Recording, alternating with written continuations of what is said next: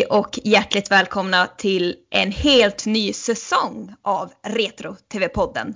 Podcasten för dig som älskar att nörda ner dig i gammal klassisk television. Jag heter Erika. Och jag heter Linnea. Och idag så ska vi ju prata om tidernas TV-serie, den största av dem alla, nämligen Dallas.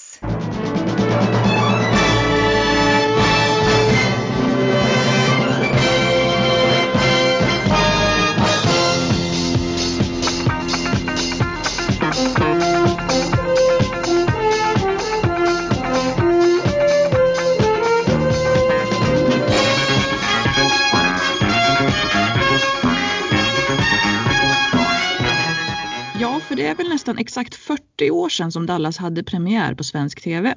Ja, imorgon så är det 40 år sedan som Dallas hade premiär på svensk TV. Det är ju en storhetsdag för oss TV-älskare. Något annat kan man ju inte säga.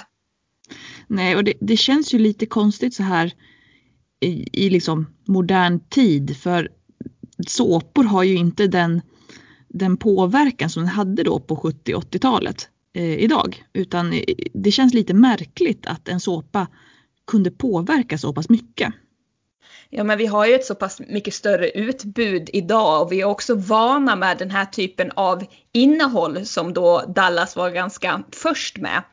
Att det inte blir samma typ av lägereldseffekt idag som det blev då. För både svensk och amerikansk publik så erbjöd ju egentligen Dallas något helt nytt.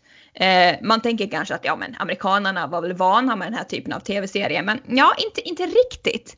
För man hade ju en lång tradition av att sända just såpor, men det var ju på dagtid.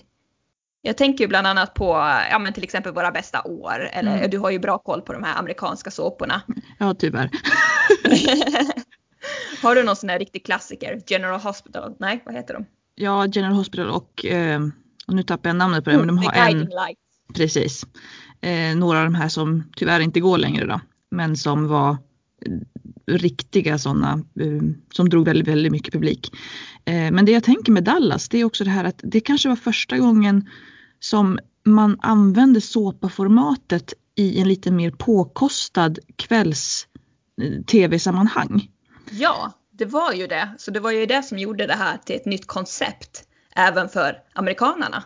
Ja, för det måste ju ha blivit en helt ny publik också för att eh, de här dagssåporna sågs ju främst av hemmafruar i USA. Som, för att det var ju de enda som var hemma. Men Dallas var ju en serie som alla kunde följa. Ja men precis. Eh, jag har för mig att i alla fall när man, eh, man sände miniserien som var det första man producerade eh, så gick det på söndagarna. Söndags eftermiddag, kanske tidig kväll. Vilket betydde att eh, männen som då var the breadwinners, eh, de var även de hemma och, och, man kunde sitta hela familjen tillsammans och, och se på det här. Mm. Eh, sen, sen, tror jag ju också att 70-talet, sent 70-tal, eh, alltså Dallas hade ju premiär 1978 på amerikansk tv så de var ju tre år tidigare då än vad vi var. Eh, det var ju också en, en värld i förändring. Det här hemmafru konceptet eller vad man ska kalla det, det började ju försvinna i, i mångt och mycket. Mm. De som kanske var födda på, på 20-talet och eh, var de här klassiska hemmafruarna på 50-talet. Deras barn var ju stora och utflugna vid den här tiden och eh, de hade kanske börjat introducera sig själva i, i arbetslivet. Ja precis och sen tänker jag också att eh, precis som du nämnde så hade den här serien premiär 78 och där runt slutet på 70-talet eller mitten och slutet på 70-talet så är det ju en lång rad med kriser i USA. Framförallt oljekrisen som också påverkade resten av världen. Men de har mycket politisk turbulens eh, och problem. Och sen kommer ju ehm, lite senare så kommer ju den här gisslansituationen på eh, ambassaden i, i Teheran och allt sånt. Så att eh, USA är ju ett land i, i vad ska man säga, så på ja, men i, i kris under en stor del av 70-talet. Att det, ja. ekonomin går dåligt och så. Då kommer den här jättelyxiga såpan där folk har hur mycket pengar som helst och, och där de beter sig som svin mot alla, allt och alla. Och jag kan tänka mig att det blir det blir liksom en verklighetsflykt som tilltalade väldigt många. Ja men det tror jag också. Eh, vi hade ju inte minst eh, Vietnamkriget där också som spillde in på, på 70-talet och som påverkade eh, USA stort. Och alltså man brukar ju säga det här att tv-serier och teman på något vis går i cykler. På, på 60-talet så hade vi ju de här eh, science fiction och de här magiska serierna på något vis. Och sen så kom det här tunga politiska med Vietnamkriget och man behövde liksom, nej nu måste vi tillbaka till rötterna på något vis. Och därför kom de här tv-serierna som Lilla huset på prärien till exempel och The Waltons där man blickade tillbaka till kanske en lättare och eh, mer sammanhållen tid. Mm. Och sen när man har haft det här en stund, då kanske man känner ett behov av något nytt igen, något nytt och storslaget som, som trycker tillbaka liksom lite det här mer lågmälda och traditionella. Ja, så är det säkert. Eh, och jag tänker också att Dallas hade ju den enorma fördelen att de hade väldigt starka karaktärer, väldigt starka skådespelare. Ja, men ska vi ta och, ska vi ta och gå igenom eh, persongalleriet här? Eh, vi kan ju inte få med alla, men jag tänker att vi tar the originals. Ja, vi tar väl de som man tänker på som att de hör till såpan. Ja, men precis. Eh, men vi kan i alla fall säga så här för den som inte har sett Dallas så handlar ju tv-serien då om familjen Ewing som har gjort sig ofantligt rika på olja. Men som också eh, ägnar sig åt boskapsuppfödning på den stora ranchen som de bor på, South Fork utanför Dallas. Ja, därav namnet på tv-serien. Eh, kort och gott. ja, eh, och här har vi ju då en stark matriark och en stark patriark och deras söner. Och det är väl liksom deras liv det kretsar kring. Ja, vi har föräldrarna då, Jock, eller John Ross Ewing som han egentligen heter. Som då är gift med eh, boskapsuppfödardottern, eller vad man säger, ranchdottern Eleanor Southworth, eller Miss Ellie Ewing som hon kanske mer är känd som. Eh, och de här spelas då av eh, Jim Davis och Barbara Bell Geddes. Har du sett de här två skådespelarna i, i någonting annat? Ja, jag har sett Barbara Bell Geddes i någonting. Eh, och jag minns inte vad det var just nu, men jag minns att jag reagerade på att det var hon. Eh, och det, det, här var från tidigare hennes karriär då. Eh, så hon, var, hon måste ha varit 15-20 år yngre. Ehm, jag funderar på om det inte måste ha varit en film som, det, som hon hade en, en biroll i, men jag kan för mitt liv inte komma på vad det var. Um, Barbara för mig, är, Oj, nej, för mig är hon ju Miss Ellie, det är ju så. Ja, jag tror att Barbara Bell Geddes är Miss Ellie för större delen av befolkningen eller vad man ska säga. Um, men hon hade väl en, en relativt framgångsrik eh, Hollywood-karriär i, i, sin ungdom.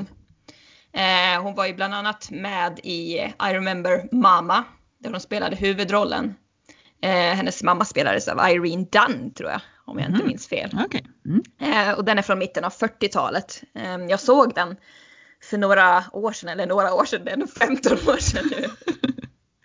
Eh, men det är i alla fall en, en, eh, film som bygger på den allra första tv-serien som sändes på amerikansk tv, Mama. Jaha. Eh, som handlar då om en norsk familj som bor i, i San Francisco. Och alla pratar väldigt roligt. Det är så No Trina, you cannot go up the hill. Alltså på det viset pratar de. Väldigt underhållande. Eh, och när det kommer till G Jim Davis då så har jag faktiskt sett honom i, i ett annat sammanhang. Eh, det finns ett avsnitt av The Lucy Show där eh, Lucy och Viv har vunnit biljetter till eh, eh, Las Vegas. Mm. Och eh, där bor de på något riktigt så lyxigt hotell men de har inga pengar till att göra någonting. Så då bara, nej vi kan inte sitta här och dricka te på det här fina hotellet kväll efter kväll. Vi, vi, vi får hitta på någonting. Så då så, eh, av någon anledning så har de också vunnit två stycken väldigt tjusiga klänningar. Så de klär upp sig i det här och sen går de in på ett kasino och låtsas då vara oljemagnatsdöttrar från Texas. Och där träffar de på Jim Davis. Eh, vilket är ett ganska roligt sammanhang. Mm. för han spelar ju själv sen den här liksom oljepampen från Texas i Dallas. Så att eh, det är ganska kul för han har ett litet förhör med Lucy där. Liksom, ah, vem, är, vem är du dotter till? Och, eh, som att han har liksom koll på oljebranschen. Mm. Så att det känns som att det är liksom Jock som är på det här kasinot och träffar Lucy och Viv. Uh, well, he was in oil. He has uh, one of the largest oil fields in Texas. Oh, what's his output? How's that? How many uh, barrels does he get a day? Well, I don't know actually, but I do know they had to send out for bigger barrels. That sounds like a lot of oil. Oh, it sure is. Vad roligt. Han är väldigt tjusig där också för han är ju 20 år, ja, i alla fall 15 år yngre. Och han har ju brunt hår istället för vitt och sen är han ju lång och ståtlig och solbränd. Ja, i alla fall. Eh, Jock och Ellie, de har ju tre stycken söner. John Ja. Ross Jr, commonly known as JR. Och sen kommer väl Gary va? Ja, som precis. inte är med så mycket i Dallas men som sen fick sin egen serie Knots Landing. Mm. Eh, men det kan vi komma, fram, komma tillbaka till lite längre fram. Eh, men sen också eh, Bobby då såklart. Bobby the little kid, han är ju han är den yngsta av syskonen. Då. Han är född på 50-talet och JR är född på 30-talet. Så att det är en ganska stor åldersskillnad. Ett ganska stort åldersspann mellan den äldsta och den yngsta av sönerna.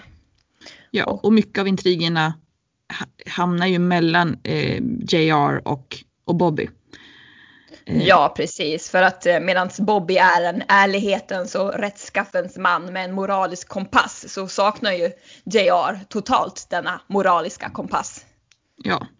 Eh, och du får rätta mig nu om jag har fel, men börjar inte hela serien med att Bobby presenterar att han ska gifta sig med, med, med Pamela? De har redan Så- gift sig. Har de- de ja, har men- okej. rymt och gift sig. Och den första scenen som vi får se egentligen när de stannar till vid en bensinstation, tankar eh, och sen så, ja de är på väg hemåt från sitt improviserade vad Ja, men det, det är ingen som vet om att de har gjort det här innan Nej. de kommer. Eh, för var det jag tänkte. Och det, jag ska säga att Pamela är ju då ärkerivalens dotter. Eh, så redan här liksom bygger man ju upp eh, en stor konflikt inom familjen Ewing. Ja men precis, den här är ju en konflikt som har pågått sedan 30-talet eh, och som började egentligen i ett litet triangeldrama mellan Jock, Ellie och Dickie Barnes.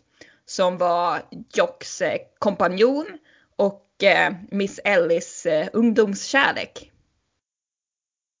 Eh, och eh, det här har ju hela tiden legat under ytan men den här konflikten flammar ju verkligen upp nu i samband med att Bobby och Pamela gifter sig. Eh, och när de kommer hem då till eh, South Fork och eh, Bobby presenterar Pamela så ja, de är väl inte direkt jätteglada över det här. Den enda som egentligen tolererar henne något det är väl Miss Ellie. Den alltid så förstående Miss Ellie. Ja, och och det där är så intressant för det här har du och jag pratat om tidigare, just det här eh, med Miss Ellie, att hon är så vän och snäll och, och, och förstående mor och så. Men vi har pratat om att på under ytan så känns det som att det här är en lite manipulerad bild av henne. Ja, för, absolut. För att Miss Ellie har ju en, en räv bakom örat. Det är klart att hon har fått finslipa den här tekniken med tanke på att hon har den här väldigt viljestarka, alltså det här powerhouse till man. Eh, och också tre stycken söner varav den äldsta är, eh, ja, kanske inte jättetrevlig att ha som son. Eh, men hon, eh, hon lyckas ju ofta vända saker till sin fördel på något vis och får också ofta sig själv att framstå lite som ett offer. Hon Mm. sätter ofta på sig offerkoftan. Ja, och det är det som är så intressant för hon eh, för när man pratar eller läser om hur andra uppfattat Dallas så uppfattas hon också på det sättet som, alltså som att som de andra karaktärerna uppfattar henne att hon är man, hon, hon uppfattas av många fans inte alls som intrigant, som intrigerande. Och det Nej. tycker jag är spännande. Att, att det på något sätt skiner inte ens igenom för de som tittar. Precis. Och det är inte liksom, det är ju bara i vissa sammanhang som man ser den här sidan av Miss Ellie.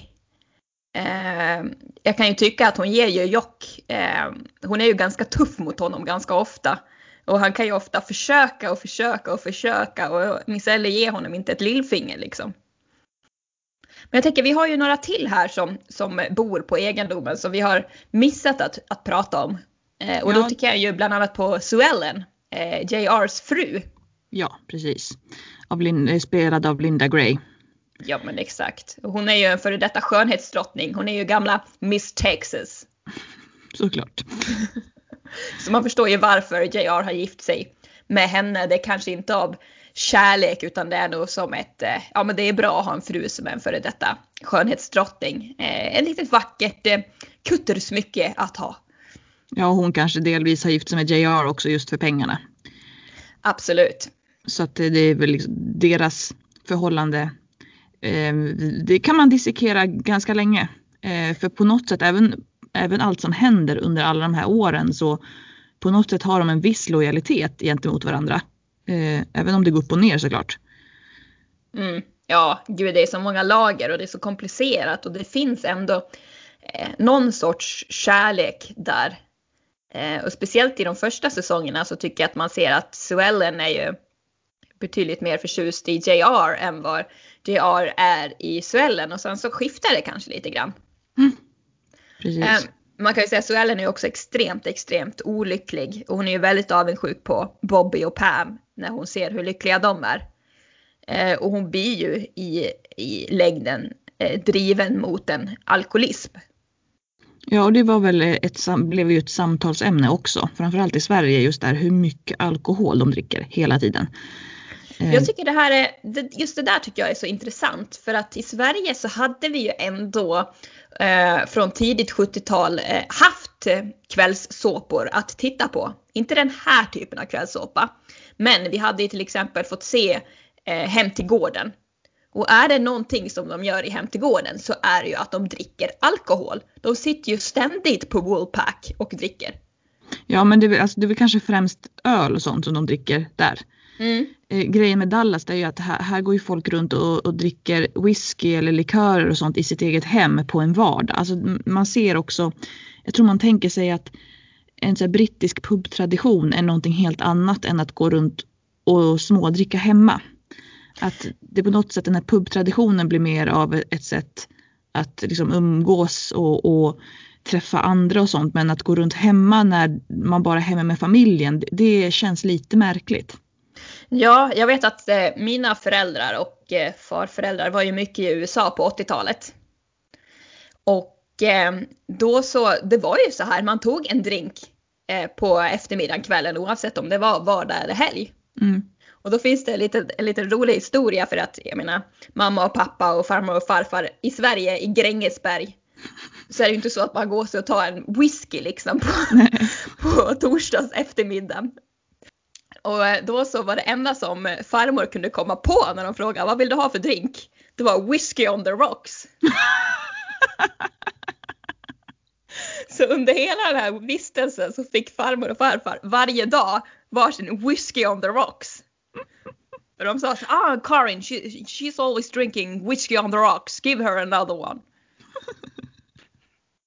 Eh, det är så roligt också, eh, för mamma och pappa har berättat att farmor, eh, hon älskade ju den här typen av tv-serier som Dallas. Så varje gång de var i USA så försökte hon pumpa då sina kusiner på det senaste. Ja. De låg ju tre år framför. Precis. Och speciellt kan jag tänka mig hela den här Who Shot JR grejen. Men det kan vi komma, fram, komma till längre fram mm. tänker jag men just det här att, att vi låg så pass mycket efter i Sverige, det känns ju också jättekonstigt nu. Eh, för att i, i, i, liksom, nu kan man ju i princip se ett avsnitt i Sverige direkt efter att det kommit ut i USA. Även serier som kanske egentligen går, eh, alltså fortfarande visas på tv som inte är en streamingtjänst kan man ofta se i Sverige nästan direkt efter. Eh, via alla olika typer av tjänster som finns. Eh, och därför blir det så märkligt att tänka att man låg så många år bakåt och inte visste vad som skulle hända heller. Eh, och just på tal om det här Who Shot JR så vet jag att jag läste en krönika, jag tror att det var, tror att det kunde vara Cecilia Hagen kanske. Ja, men ja, jag ska låta det vara osagt, men hon, det var en, en kvinnlig journalist som hade skrivit här för bara något år sedan att hon hade varit i USA under den sommaren när det var uppehåll och läst i de eh, läste i de amerikanska tidningarna Ja, när det var uppehåll i Sverige så hade hon varit i USA och så hade hon fått reda på hur det egentligen var. Så hon satt ju på så här, förhandsinformation innan mm. alla i Sverige. Eh, och hade jättesvårt, eller så här, visste att jag kan inte spoila det här utan jag måste ju sitta, sitta på det här verkligen. Um, och det är också sån intressant grej hur, för då helt plötsligt så hade ju den här mm, journalisten då på något sätt den informationen som alla i hela Sverige ville veta. Och det är också spännande. Ja, hur, det kunde hur, ha sålt. långsamt, hur långsamt informationsflödet var. Ja, det är, ja, det är helt bisarrt nu med våra moderna ögon. Men jag menar, man behöver bara tänka tillbaka när man själv gick på högstadiet. Och när jag följde Gilmore Girls slaviskt, då låg vi ju en sådär två säsonger efter. Och man fick ju vänta tills det sändes Mm. på femman.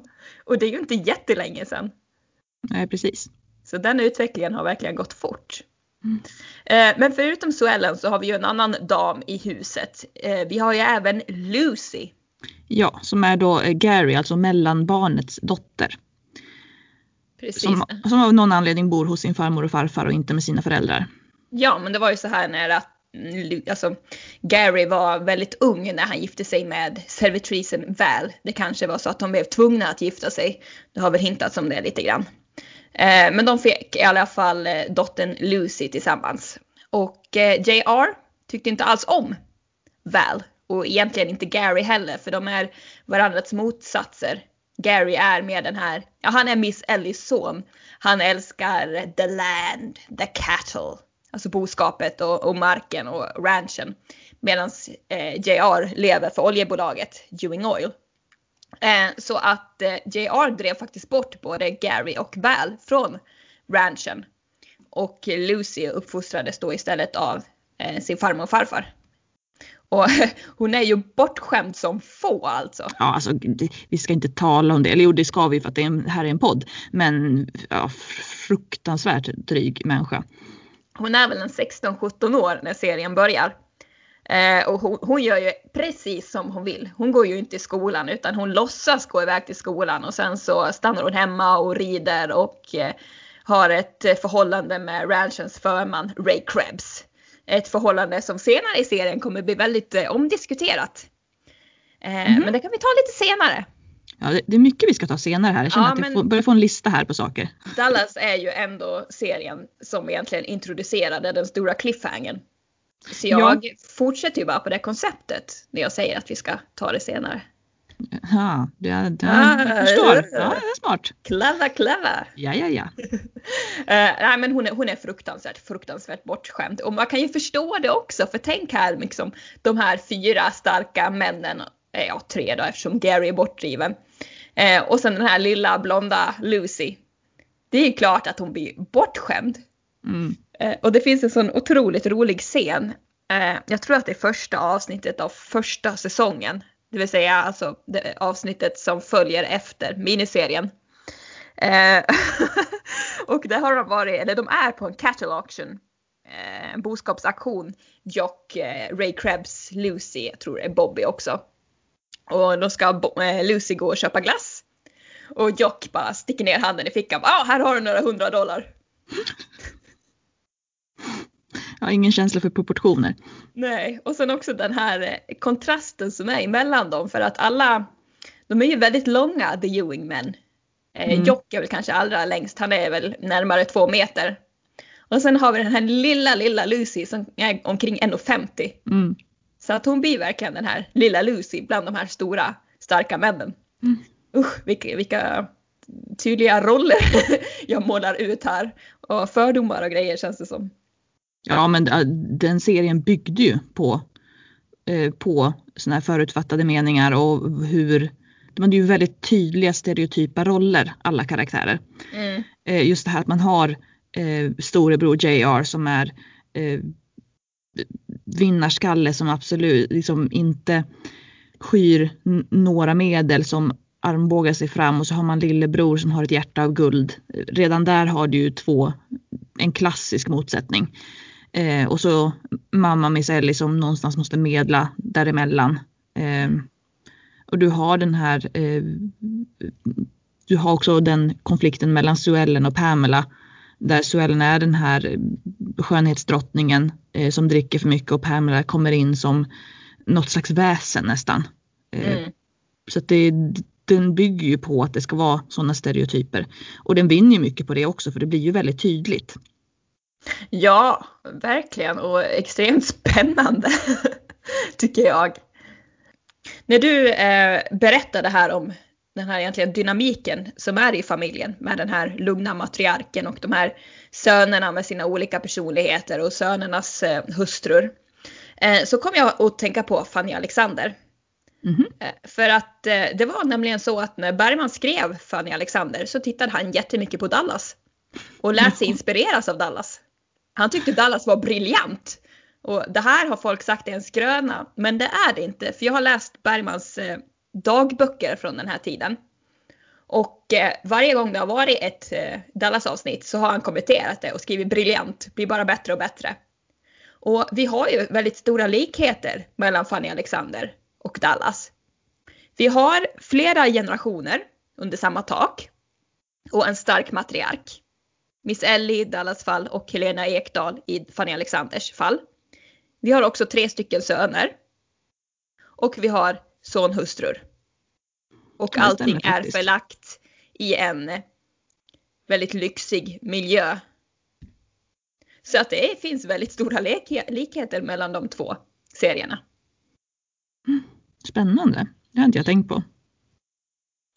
Nej, det, jag tror inte man tänker på det spontant för att det är så otroligt olika sammanhang och i olika miljöer. Men själva familjedynamiken, där finns det faktiskt en, en likhet. Mm. Sen vi har ju nämnt en, eh, en roll lite i förbifarten, det är ju Pamelas far. Eh, för han återkommer ju som ständig eh, skurk ska man väl säga. Sen är det väl, kan man ju diskutera om det är han som är antagonist i alla avsnitt. Men han får ju framstå som familjen Ewings stora, eh, vad ska man säga, eh, nagel i ögat. Så. Ja, jag skulle väl kanske säga att det är framförallt Pamelas bror, Cliff Barnes. Ja just det, ja så är det ja. Men eh, ja, det stämmer bra. Fadern är ju också med eh, då och då, Digger Barnes. Men han är ju extremt alkoholiserad och han är ju väldigt bitter och sådär. Men han, han är så pass eh, djupt ner i sitt beroende att han egentligen inte utgör någon sorts fara. Eh, utan det är, ju, det är ju Cliff Barnes då som är samma generation som JR skulle jag Ja säga. just det, Ken Kershwell va, som spelar honom. Ja, precis. Ja, det blandade jag ihop dem. Men det, det finns ju också, för att lika som att familjen Ewing inte är så glad över att Bob är gift med Pamela så är ju inte familjen Barnes särskilt glad över att Pamela är gift sig med Bobby. Nej, jag skulle nog säga att familjen Barnes ser det som ett stort, stort svek.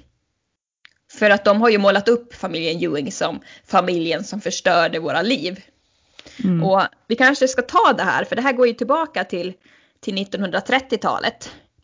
Eh, det är nämligen så lämpligt att i mitten av 80-talet så fick vi faktiskt en eh, tv-film som heter Dallas the Early Years. Mhm. Har du sett den? Nej, det har jag inte. Nej, jag har sett den två gånger. Jag tror faktiskt att den gick på svensk tv omkring 2006-2007 och då spelade jag in den. Jaha.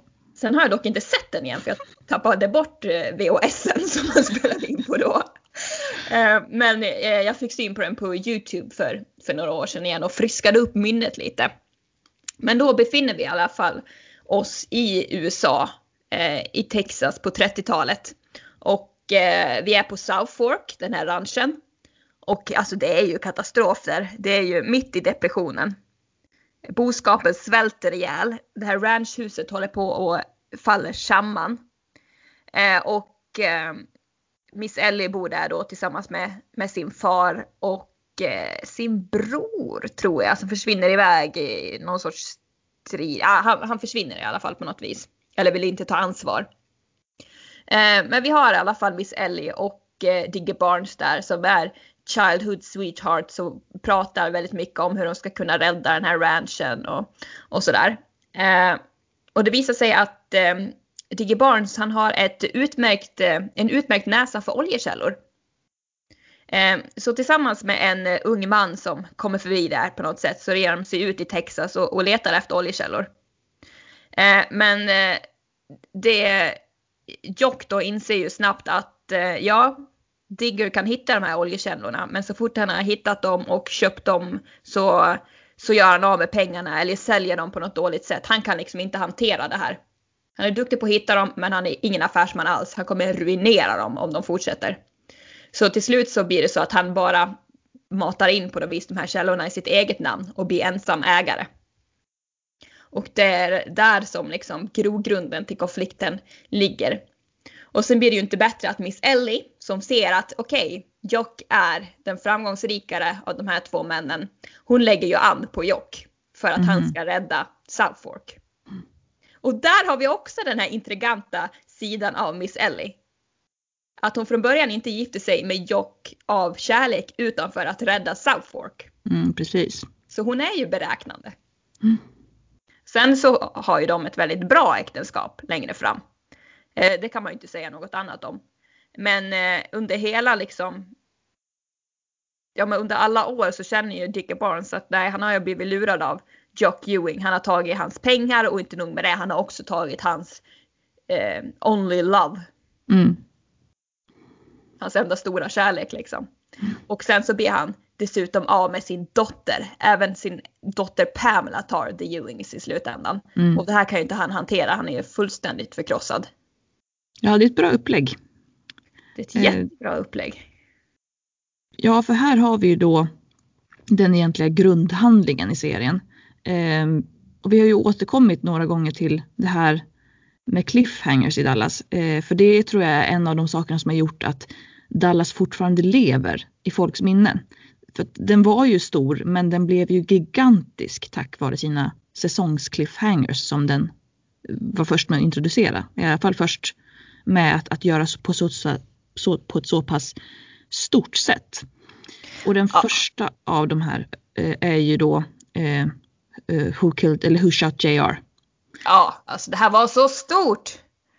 Man kan inte förstå med dagens ögon hur stort det här var. Alltså sista avsnittet för säsongen. JR som har levt rövare hela säsongen blir skjuten och man vet inte vem det är som har hållit i pistolen. Nej, och man har gjort en så snygg uppbyggnad så att alla andra eh, karaktärer i serien har en orsak till att vilja skjuta honom.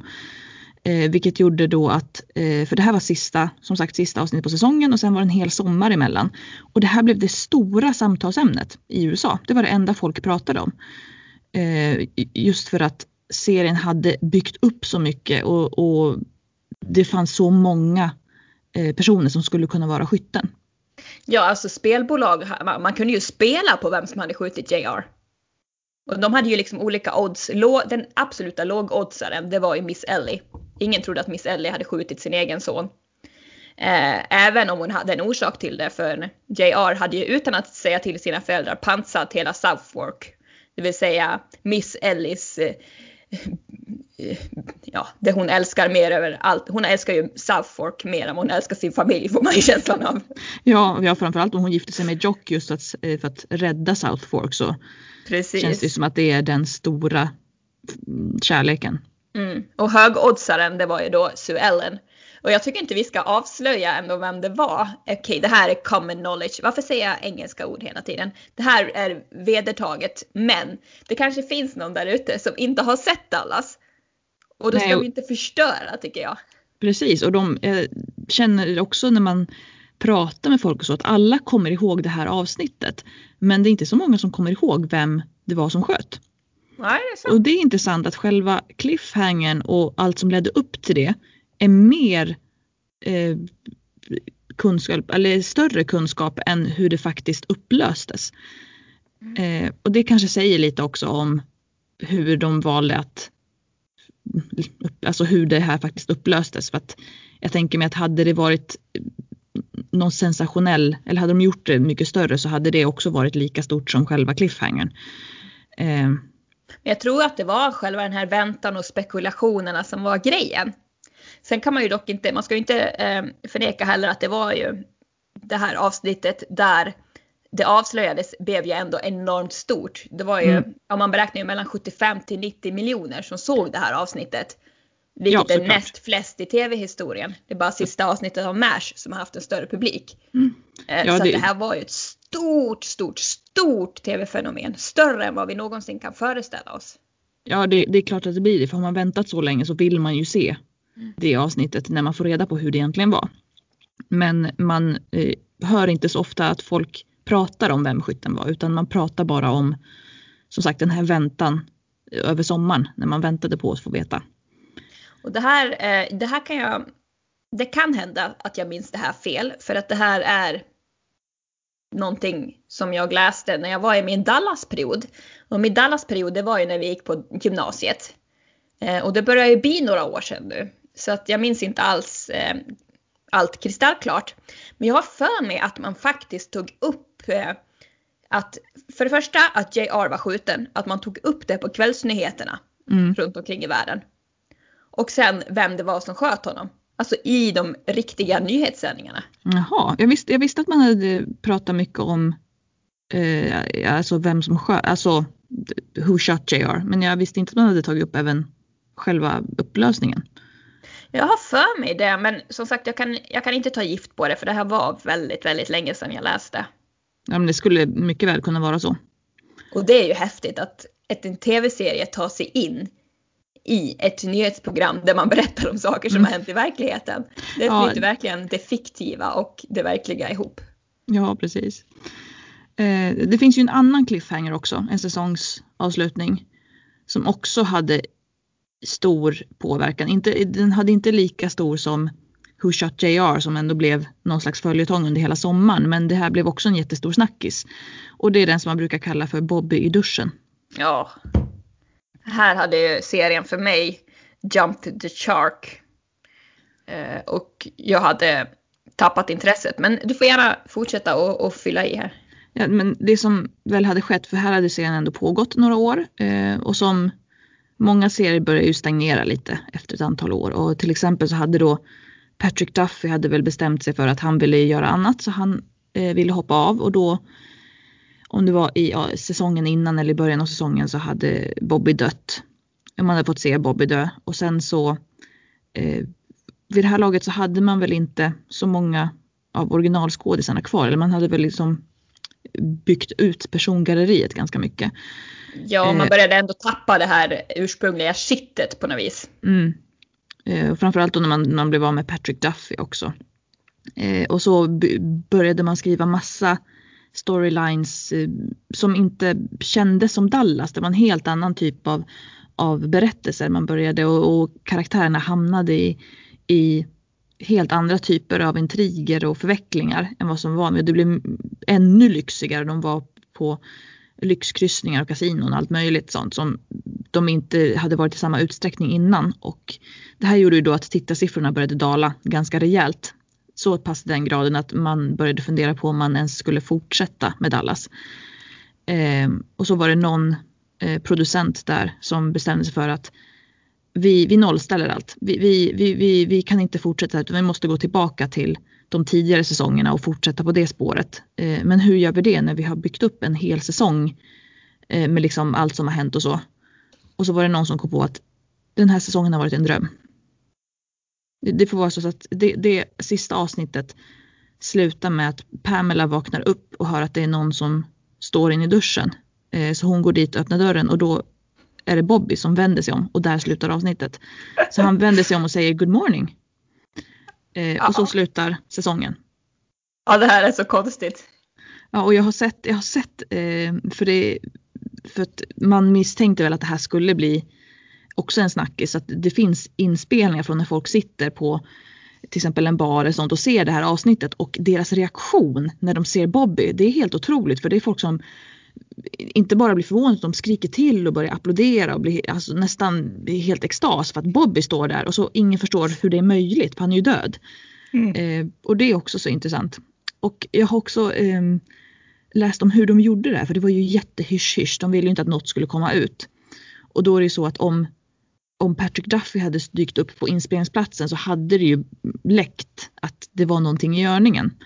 Så det man gjorde för att inte det här skulle komma ut i förväg det var att man hade ett helt annat team som filmade med Patrick Duffy på ett helt annat liksom, område. Och han filmade en tvålreklam. Så att han hade lärt sig ett manus där han börjar med Good morning. My name is Patrick Duffy and bla bla bla bla bla bla bla. Eh, och sen eh, filmas det på ett helt annat ställe och sen klippte man bort allt han sa efter Good morning. Mm. Så att ingen skulle förstå att det här skulle klippas in i det sista avsnittet av den säsongen på Dallas. Ja, sannerligen. Men jag tror, att- det här kan jag också ha fel. Men anledningen till varför Patrick Duffy bestämde sig för att lämna Det var väl för att hans föräldrar mördades. Är det så det? Det har jag inte hört. Jo, men hans föräldrar mördades i ett eh, väpnat rån Oj. 1986. Och jag har för mig att det var därför han lämnade, men det kan ha varit efteråt också.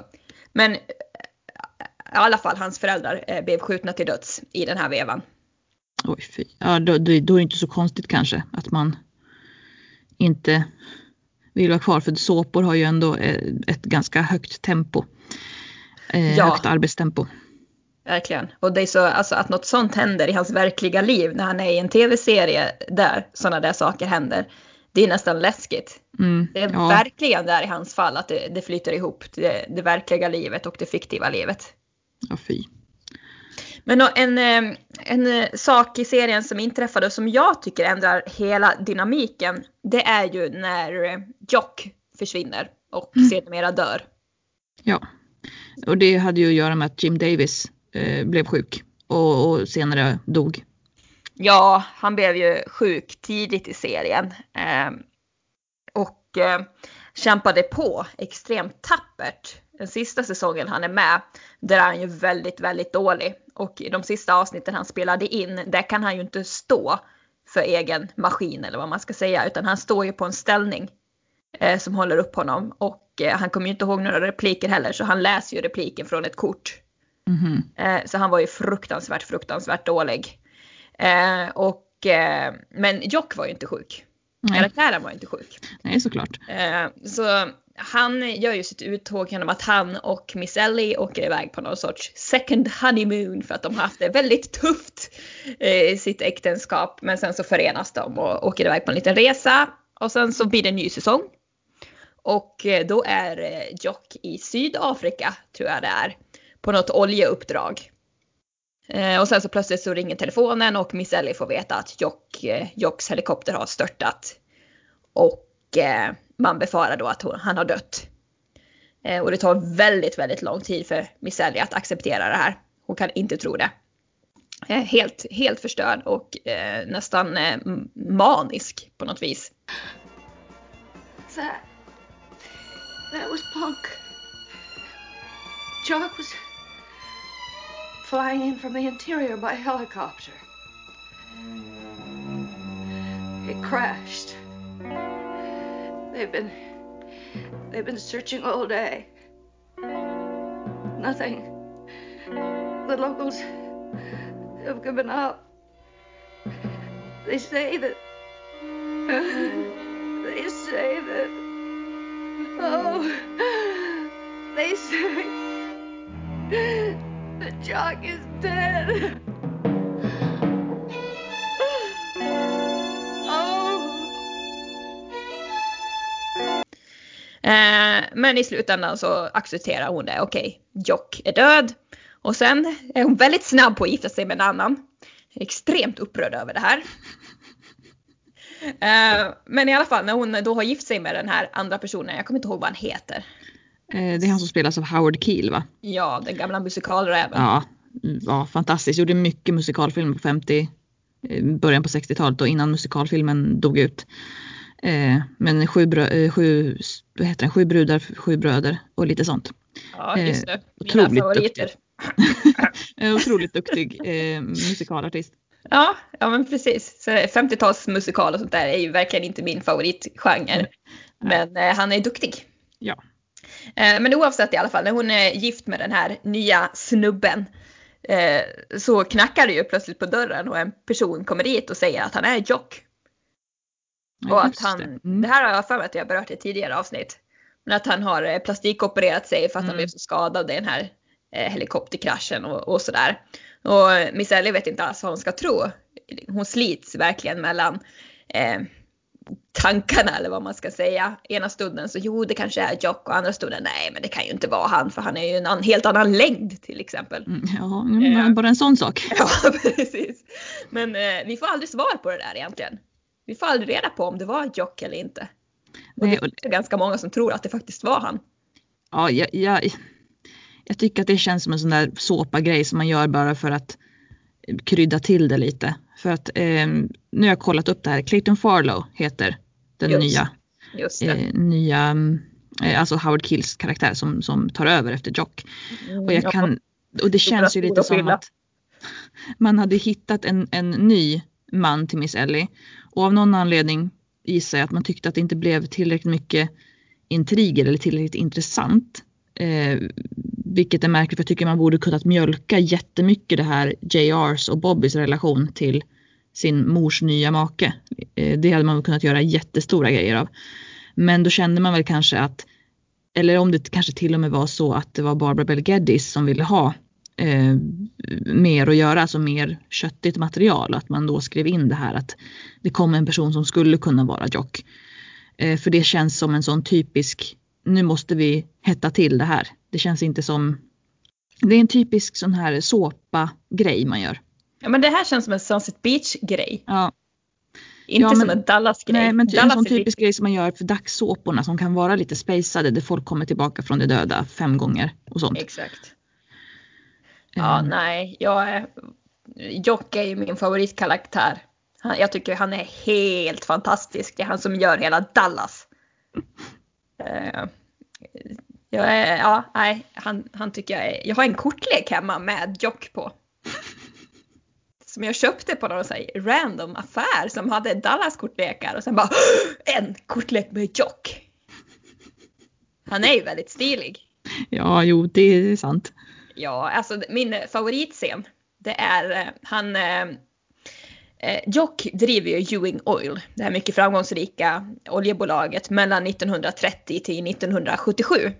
Och sen så går han i pension och lämnar över vd-posten till JR. Och efter han har gått i pension så börjar han jobba med boskapsupp, eh, ja, boskapsuppfödelse, vad heter det, uppförsel Uppfödning. uppfödning tack. och eh, eh, då är han ju väldigt mycket ute och rider på ägorna. Och det finns en scen när han och Ray Krebs är ute och samlar ihop boskap. Och då är han klädd i som här mörka jeans, en mörkblå skjorta, har cowboyhatt på sig, är brunbränd och så har han sitt vita hår och så bara galopperar han fram där. Alltså det är ju så snyggt! Det är fantastiskt! Det är den bästa scenen i hela Dallas. Ja, ja, det får man tycka. Ja, och av denna anledning så när Jock dog så nej, nu vill inte Erika se mer på den här serien för att jag blev så Nej. extremt upprörd. Så att jag har ju bara sett de fyra första säsongerna av denna anledning. Ja, du. Ja, Men de hade väl också då sen efter att eh, när Jock dör så är det väl en för man vill ju ändå ha något slags avslut för man ville inte att att Miss Ellie bara ska få det här samtalet utan man ville göra någonting ordentligt så att det finns väl ett avsnitt där JR och Bobby åker ner för att försöka luska i vad som har hänt och så besöker de det här kraschsajten och hittar eh, Jocks klocka tror jag. ja precis. Eh, Eh, och att det blir det slutgiltiga att nej han finns inte längre. Nej, exakt. Och nej, fy, det är tungt där och just Miss Ellie får ju total sammanbrott när hon inser att Jock inte längre finns. Eh, Men jag tänkte också, det finns ju ganska tunga ämnen som de berör i den här tv-serien. Sjukdomar bland annat. Mm. Eh, I ett avsnitt så får ju Jock till exempel en, eh, en stor hjärtattack Mm. efter ett bråk med eh, Bobby. Och eh, han får lov att då, eh, eh, ja, open heart surgery, eh, Mm. öppen hjärtkirurgi. Varför är det så svårt att hitta orden på svenska? Det kanske är för att man diskuterar en amerikansk se- tv-serie. Skulle tro det. Eh, men i alla fall, eh, öppen hjärtkirurgi. Och det där är också väldigt intressant hur man, hur man gör det. Och hur bilden av Jock liksom förändras från den här stora starka mannen som klarar precis allt till plötsligt en ganska svag sjukling. Mm. Och Jock kan ju verkligen inte acceptera det här med att han inte är helt frisk längre utan att han har genomgått en stor hjärtoperation. För Michelle är ju extremt orolig för honom och hon är liksom Nej men ska du inte sitta här och läsa, ha dina tofflor? Och, nej men inte ska du ut och rida utan nej men stanna hemma och ta det lugnt, ta det lugnt, ta det lugnt. Och till slut så, nej jag är Jock Ewing, jag gör vad fan jag vill och du håller käften. så, han börjar ju träffa en annan kvinna, sin före detta sekreterare. Oj då. Mm, och de är ute och äter middag varje dag och han tycker att ja, hon behandlar ju han som den stora starke man han är. Ah, ja. han håller, hon Mm. håller ju inte på att dalta med honom. Eh, och eh, det går väl så pass långt att Jock nästan lite grann typ hotar med att han ska lämna Miss Ellie. Mhm. Innan då Miss Ellie bara nej nu, nu jäklar. Får hon nog och åker efter honom och sen så ställer hon honom mot, mot väggen liksom och sen blir de sams. Hon hotar att slå honom med en ridpiska för det var tydligen det hon gjorde på 30-talet när han eh, inte ville fria till henne. Ja. Men sen Eh. så, eh, så får ju Miss Ellie bröstcancer också. ja, just det. Mm. Eh, och då är det ju så här att hon själv misstänker att hon har bröstcancer. Eh, men man ser det inte ursprungligen på, på bilderna, alltså på röntgenbilderna eller vad man säger. Eh, så att hon, eh, hon får ju genomgå ett x antal undersökningar och operationer innan man fastslår att okej, jo men hon har bröstcancer och vi måste ta bort hennes ena bröst. Mm. Och sen följer ju många, många, många avsnitt och Miss Ellie tvivlar på sig själv som kvinna. Ja, såklart. och tycker att hon har blivit liksom sargad och Mm. att Jock kan väl inte tycka om henne längre nu när hon inte är söt. Det där är så intressant för att eh, det där går igen just när man gör tv-serier där, där en karaktär får bröstcancer. Att det handlar jättemycket om att de inte känner sig som en, en riktig kvinna efteråt. För att det, Mm. det händer ju även i, i Dr. Quinn så får Dorothy bröstcancer i ett avsnitt. Och så säger Mikaela eller, att vi måste ta bort ditt bröst för att annars kommer du dö. Och det, jag, vill, jag vill ha dig kvar för du är min bästa vän.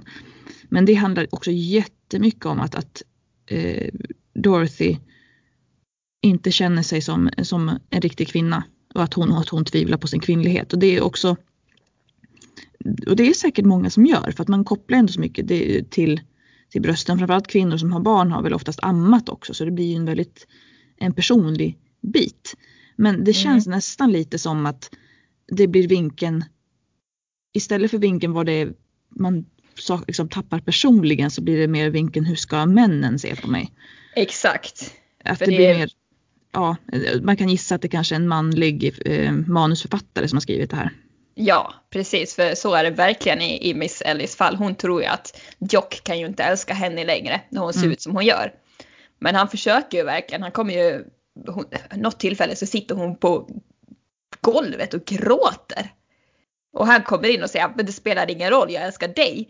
Inte liksom din kropp. Det Mm. spelar ingen roll om du hade förlorat ett ben eller en arm eller vad som helst. Och då säger hon att det är inte ett ben jag snackar om, det är mitt bröst. Chuck. I'm deformed. Doesn't that matter? You're not deformed, Ellie. If you lost an arm or a leg, I'd suffer that loss with you too. But it wouldn't change anything between us. I'm not talking about an arm or a leg. I'm talking about my breast. What do you know about that? Eh, Det tar lång, lång tid. Alltså det tar nästan en hel säsong innan hon kommer över det där.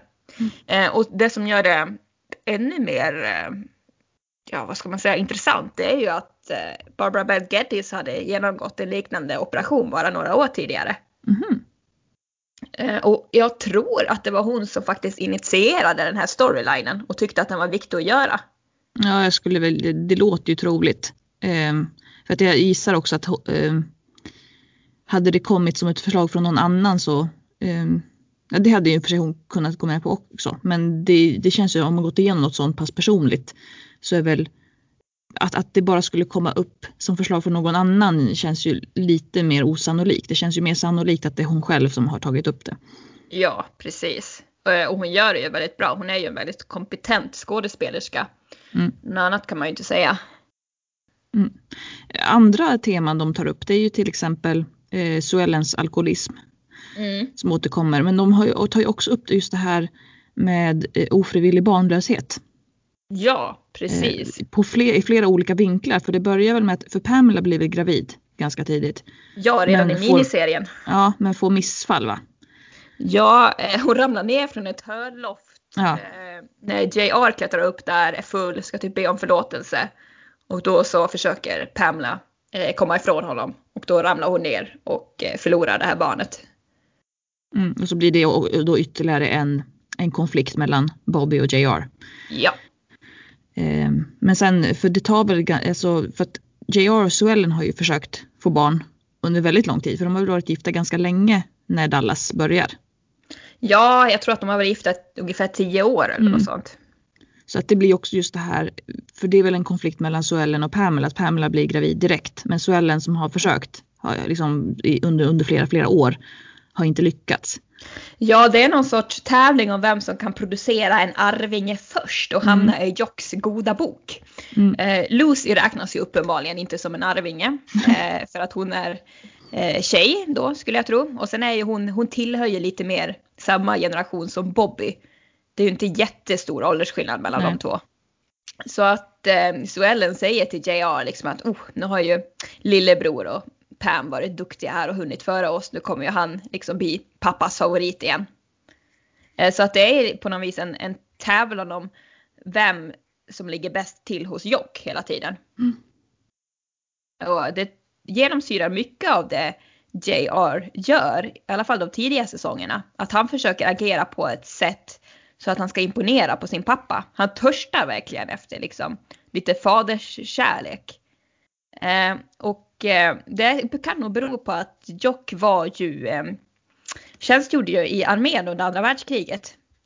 Och var då borta eh, ja. när JR var Mm. liten. För han är ju född, de, på hans gravsten, eh, JRs gravsten så står det 1939. Men i serien, i originalserien så säger man att han är född 1936. Eh, men hur som helst så var han ju liten då när Jock var borta. Eh, och sen är ju Gary och Bobby då födda efter kriget. Så de har ju haft sin pappa hos sig på ett annat sätt än vad JR har haft. Mm. Eh, Så han känner väl hela tiden att han törstar efter uppmärksamhet och vill höra att han är duktig och bra. Ja. Och sen tänka också det här med att då vara, han är ju inte sin mammas favorit heller, han är ju den minst omtyckta av barnen för de har ju sina klara favoriter. Mm. Så han försöker väl på alla vis han kan få beröm och uppmärksamhet. Så i grunden så är det ju lite synd om JR även om han uppför sig som ett svin. Mm, jo, men det är det som gör, gör det så intressant också. Eh, och det måste man ju säga att Larry Hagman gör väldigt, väldigt bra. Ja. Det finns ju en orsak till att man brukar nämna JR som en av de största tv-skurkarna genom alla tider. Ja, verkligen. Det känns på något vis som att Larry Hagman och JR till slut gled ihop. Jag kan Ja. nästan inte skilja dem åt på något vis. Nej, och det är, väl, det är väl det typiska att man blir så himla känd för det. Som, som skådespelare blir man så otroligt känd för en viss roll. Att man inte riktigt kan göra någonting annat efteråt. Eh, man har ju det samma sak med Mark Hamill när han spelar Luke Skywalker. Han fick ju inga andra jobb. Eh, han blev en väldigt framgångsrik röstskådespelare efteråt men han kunde inte få några jobb där man såg hans ansikte för han var ju Luke Skywalker. Eh, och det är ganska vanligt att man blir så otroligt ihopkopplad med en viss roll att man inte kan bryta sig loss. Ja, Lauren Graham är ju Lorelai Gilmore tills hon dör till exempel. Ja, precis. Eh, nej men precis, och jag vet att det finns en, eh, på den en av DVD-boxarna jag har, eh, så finns det en eh, reunion dokumentär vad man ska säga. Eh, och då har ju alla skådespelare då eh, kommit till eh, den här South Fork som jag kallar det, men det heter väl något annat säkert. Eh, och sen så bara, men var är Larry någonstans? Jo då, han anländer i stor stil med helikopter. Såklart. Ja men precis, och det känns ju som en typisk eh, JR-grej Mm, att göra. Eh, så att han började göra lika storstilade entréer som JR och bli på något vis JR. Mm. Eh, Jag tänkte på det också, för Dallas hade ju, var ju en av de här serierna som har fått en, en uppföljare långt, långt i efterhand. Eh, Mm. För det har ju blivit någon slags trend här på 2000-talet att eh, man återupplivar gamla serier eller gamla filmer. Eh, har till exempel, när man tar filmer så har vi ju exemplet med, med Disney som gör om alla sina gamla tecknade till spelfilmer. Mm. Eh, och eh, i tv-serievärlden så har vi ju, eh, man har gjort en ny MacGyver, man har gjort en ny eh, Magnum, han har gjort en ny Hawaii 5.0. Eh, Skönheten och odjuret, den här gamla 80-talsserien, eh, Mm. finns också i en ny variant. Och så finns ju då, gjorde de ju en uppdatering av Dallas 2012. Ja men precis, en fortsättning. Precis. Ehm, och jag skulle vilja säga av, för jag har sett ganska många, i alla fall något avsnitt av både de här äldre och de här nya eh, versionerna. Mm. Eh, och jag tror att, eller jag upplever att Dallas var den som fungerade bäst. Eh, Mm. Och det är just för att det är en fortsättning och många av skådespelarna från originalserien kommer tillbaka. Mm. Eh, och vi hade Larry Hagman i alla fall någon säsong. Men det var så intressant för att Larry Hagman gick ju bort där. Eh, bara, han, var, han var med något år eller två innan han Mm. gick bort. Och efter det så slutade ju den serien. Den gick väl någon säsong till men den gick ju på sparlåga utan JR. För det gick inte att fylla hans skor. Nej, men alltså JR är ju Dallas. Ja, Det är ju så. Så var det inte tänkt från början. Men det utvecklade sig till det. För att det var egentligen Bobby och Pam som var huvudkaraktärerna första ja, säsongen. Mm. Men sen så tog ju JR över totalt. Mm. Och det är Ja. väl kanske det att man vill inte... Det finns ju en viss tjusning med att följa de här lite elakare karaktärerna. Ja, framförallt tror jag just för att det är intressant att följa de som kanske inte är riktigt som en själv. För jag tror att eh, det är klart att, att Bobby och Pam skulle vara huvudkaraktärerna men för att man tänkte sig väl säga att det här är personer som tittarna kan identifiera sig med. Men det är ju mycket mer intressant att följa personer som, som man kan känna sig lite bättre än. Precis. Helt klart. Och sitta och förvånas över vad de gör och sånt där som man tror aldrig ska kunna hända i ens eget liv på något vis. Det blir någon sorts trygghet att oh, jag kan njuta av att se på det här men det kommer aldrig hända mig. Mm, precis. Eh, och det vet jag en själv, man kan ju sitta och applådera ibland över saker som händer i, i dramaserier och riktigt bara Ja. Men skulle det hända själv så skulle man ju vara fullständigt förkrossad. Ja, absolut. Ehm, ja, sen har vi också, som jag nämnde tidigare, Knots Landing. Som är den serien som följer Gary och, och Val, hans fru. Eh, för det var ju en, en liten avknoppning av Dallas kan man säga. Mm, precis, Eh, det var det sannerligen. Jag vet, du skickade ju några klipp till mig för några veckor sedan från den här tv-serien. Mm. Det gick väl superlänge också? Ja, den gick, eh, för att Dallas gick ju mellan 78 och 91 så den gick ju 13 år och jag tror att Knots Landing gick också, eh, den började ju något år senare. Men gick också in på en bit in på 90-talet för att Knots Landing blev eh, i USA så var det ju uppenbarligen Dallas lillebror, eller ska man säga, men i flera europeiska länder så var ju Knots Landing den stora serien. Den blev ju mer populär än Dallas. Mm. Eh, och den har lite annan, lite annan ton. och märker att den hör till Dallas för att de har försökt de har försökt kopiera introt lite eh, med de här eh, sidbilderna och lite sånt. I alla fall i de första säsongerna. Sen så går det över till ett helt horribelt intro. Eh, musiken är jättebra men själva eh, klippen och hur man har satt ihop det rent visuellt är en katastrof. Eh, men det, det, följ, det blir ju en lite annan grej och just som du sa att väl är ju servitris från början. Eh, så det blir en helt annan, det blir ju inte lika lyxigt, det blir ju mer de bor ju i en liten förort också, så även om de uppenbarligen har bra med pengar och bor fint så blir det fortfarande kanske lite närmare tittarna. Och det var väl kanske det som eh, ledde till att Notts Landing är mer intressant i vissa länder än Dallas.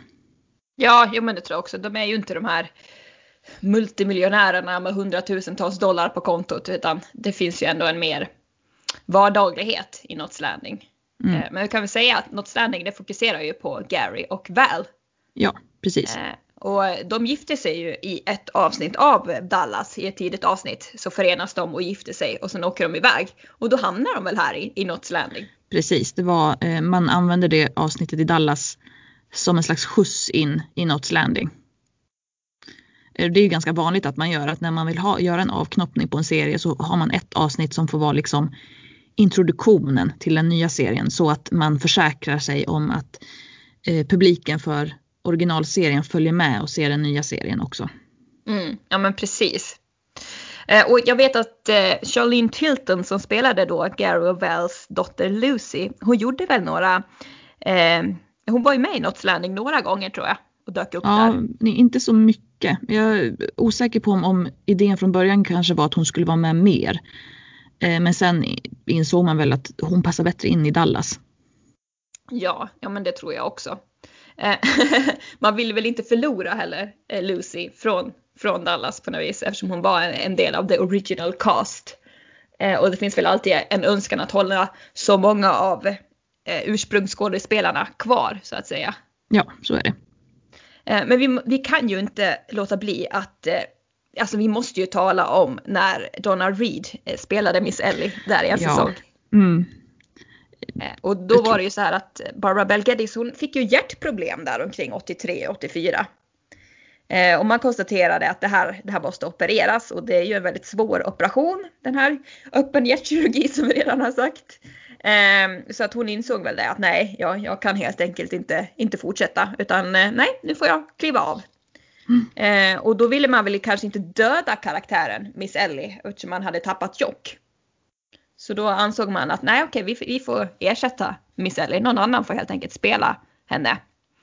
Eh, och då var ju Larry Hagman, han var ju väldigt snabb med att föreslå sin egen mor, eh, Mary Martin. Mm. Eh, men det gick inte hem, utan man valde ju den här eh, Donna Reed då. Eh, egentligen främst känd från sin egen tv-serie som hette Donna Reed. Mm. De spelar en som perfekt 50-tals hemmafru. Och hur gick det här då Linnea? Gick det storstilat och bra? Eh, nej, det gick eh, sådär. Det gick Eh. käpprätt åt... Hmm. Ja, egentligen så, alltså det är ju, om man ser på det nu, så det är egentligen inga problem att Donna Reed tar över. Utan det var ju snarare allt som hände bakom, liksom, bakom kulisserna som var problemet.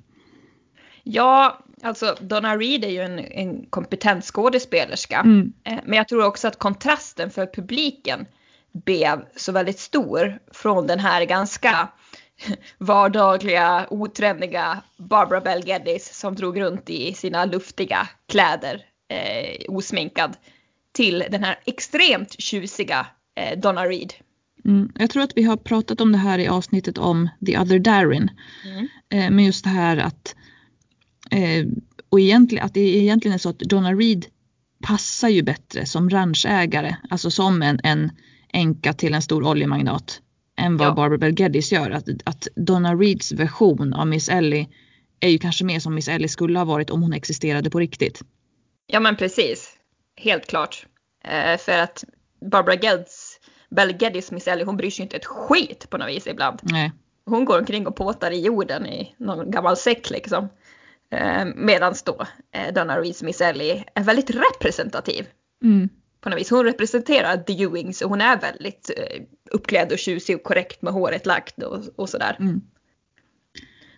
Eh, Eh, vi det- har ju, ja förlåt. Det, det är två eh, sidor av myntet där på något vis. För att eh, å ena sidan så är ju Barbara Bel Geddes verkligen den här ranchägaren som har gått igenom depressionen och är fortfarande one with the land. Medan då Donna Reeds Miss Ellie kanske har anpassat sig mer till sin nya roll som oljemagnatsfru. Ja, precis. Ehm, Men det som vi var inne på just det här att det, att det inte gick så bra. Det har ju framförallt med att göra att Barbara Bel Geddes såg att, eh, hur Donna Reed spelade Miss Ellie och blev lite svartsjuk. Och bestämde sig för att nu kommer jag tillbaka. Ja, jag tror det. Hon kunde nog inte acceptera att Miss Ellie skulle spela som någon annan. Nej, och som jag förstod det som. Sen har jag mm, för mig att jag har läst om också att flera i, i ensemblen kanske inte behandlade Donna Reed jättebra heller för att de tyckte väl inte att det var lika bra. Nej, de, de var jätteelak mot henne. De ville ha tillbaka sin mamma som de sa. De ville ha tillbaka Barbara Bel Geddes Mm. som Miss Ellie. Och eh, de var, alltså det var mobbing. Det var vuxenmobbing på hög Mm, nivå. Eh, och just det här också med att eh, det tekniska teamet hakade på också och gav eh, Donna Reed extremt dåligt ljus. Eh, så hon ser ju hon, ser, hon är ju liksom inte till sin fördel för att hon får, det faller skuggor på henne på ett ofördelaktigt sätt och hon får mörka ringar under ögonen. Ja, okej. För som jag konstaterat tidigare så belysningen gör ju extremt mycket för hur en människa ser ut. Mm. Eh, och hon var ju van med att jobba i väldigt fördelaktig belysning. Och sen plötsligt få det här skumma ljuset på sig eller vad man ska säga. Där hon bara såg trött och kände sig inte alls till sin fördel. Eh, så de mobbade ut henne helt enkelt. Och sen kunde Barbara Bell Geddes glida in igen och återta sin roll. Ja, och jag har också eh, sett någon sån eh, liten dokumentärsnutt om just det här med Donna Reed och det. Och då var det i alla fall en sån här förståsigpåare som sa det att eh, för Donna Reed vad jag förstår att ändå fått rätt bra recensioner. Ja, liksom att, eh, av tv-kritikerna tyckte ändå att hon gjorde ett bra jobb. Och den här eh, personen som blev intervjuad i dokumentären sa att det klarade inte Barbara Bell Geddes av. Att det Nej. var en orsak till att hon ville tillbaka, inte det att hennes kollegor ville ha henne eller att tv-produk liksom, produktionsbolaget tyckte att hon var bättre utan att Barbara Bell Geddes stod inte ut med att se någon annan göra hennes roll och dessutom göra det bra. Nej, här får vi kanske ett litet exempel på att eh, den där världen inte är den trevligaste världen. Mm. Det är mycket backstabbing och, och sådär och jag, jag, jag. Det är stora egon i den där branschen. Ja, så är det. Eh, ja, Jag vet inte om vi har så mycket mer att säga. Nej, alltså man kan ju prata i timmar och åter timmar om Dallas. Mm. Eh, för det finns, det är 14 säsonger, det är 357 avsnitt och det är så många intriger och det är så mycket som händer. Eh, men jag tycker att det egentligen räcker med att prata lite så här allmänt kring serien. Och vi vill ju som sagt inte gå in och förstöra eh, saker för folk som inte har sett den. Nej, Eh. precis. Men något vi måste eh, ta med, det är ju att flera av de här skådespelarna, de fick ju en, eh, en liten musikkarriär. Bland annat Charlene Tilton, som gjorde en singel som heter C'est la vie. Har du hört den? Nej. Men jag gissar att du kommer spela den för mig nu. Ja, det kommer jag. Här, varsågod.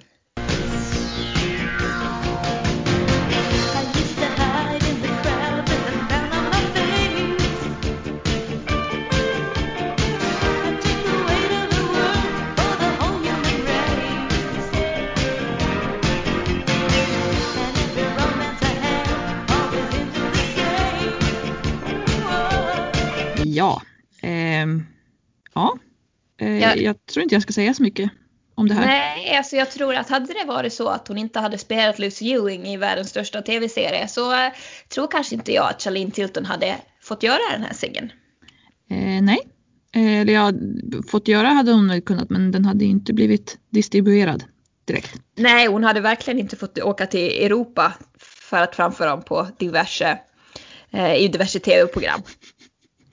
Nej. Eh, ja. Något jag måste bara flika in här som jag kom att tänka på eh, när det gällde Lucy och sång. Så finns det ett avsnitt från säsong 1 som jag tror heter Lucys birthday. Och eh, Lucy fyller år, om hon fyller 16 kanske, eller 17, jag vet inte, säkert eh, 16 eftersom att de ska slå lite på stora trumman. Men i alla fall så det är ju Sue Ellen och Miss Ellie som eh, organiserar det här partyt då. Vilket Lucy är extremt missnöjd över. För att eh, det är Miss Ellie som står för inbjudningslistan och eh, Sue Ellen som ska fixa underhållningen. Och hon drar ju dit något gammalt typ 30-talsband som ska spela, ja inte sån musik som Lucy tycker om. Eh, och sen så kommer eh, Pam hem och Pam jobbar ju som eh, ja, säljare på ett stort modevaruhus. För hon kvinnan som spelar Dorothy i Dr. Quinn förresten. Jaha. Men i alla fall så, så kommer Pamela hem och eh, har tagit med sig ett antal klänningar då som Lucy får välja på. Eh, och då så eh, får ju Lucy nog, hon skriker ju det att mormor ska bestämma, eller farmor ska bestämma vilka vi ska bjuda in. Så Ellen har bjudit hit några gamla gråa knösar som ska spela och jag får inte ens bestämma vad jag ska ha på mig själv. Eh, så det slutar med att hon rymmer. Eh, och eh, hamnar på något vis med någon eh, kriminell man som kör omkring en sån här gammal folkabuss ser det ut som. Ja, det är väl en Volkswagen-buss. Eh, och eh, då så ska de råna någon sån här karaokebar eller talangtävlingsbar. Eh, Så då får Lucy gå upp med en gitarr och sjunga medan han eh, tömmer kassorna. Eh, Och det kommer jag spontant att tänka på här nu med eh, Lucy och sång. Ja. För hon, gör ju, hon gör ju stor succé där givetvis på talangtävlingen. Ja, Hon sjunger ju en, en sång som är väldigt symbolisk. Eh, I don't want a lonely mansion. I don't want your lonely mansion with a tear in every room. All